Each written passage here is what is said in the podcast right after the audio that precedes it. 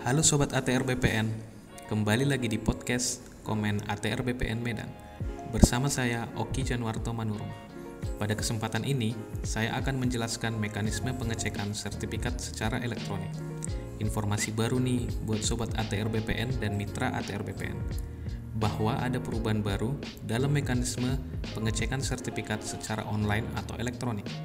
Tahapan-tahapannya adalah sebagai berikut.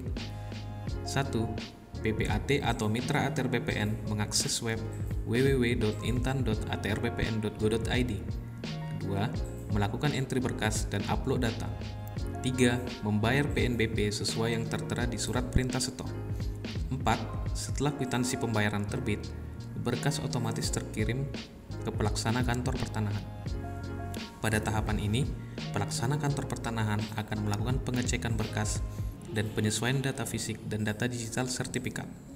5. Jika berkas sudah lengkap dan sesuai, maka validasi data akan dilakukan oleh petugas pelaksana kantor pertanahan dan berkas akan ditandatangani secara elektronik oleh pejabat yang telah ditunjuk. 6. Namun, jika berkas didapati tidak lengkap, maka Sobat ATR BPN harus melakukan perbaikan data upload.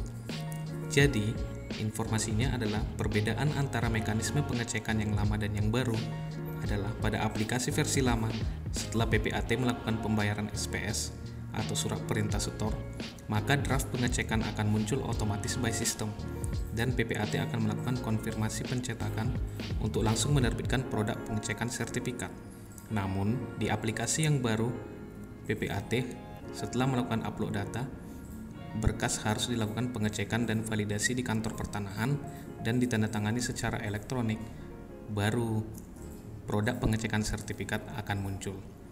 Jadi teman-teman mitra dan sobat ATR BPN harus sering-sering cek aplikasi ya. Sekian podcast dari Kantor Pertanahan Kota Medan. Terima kasih.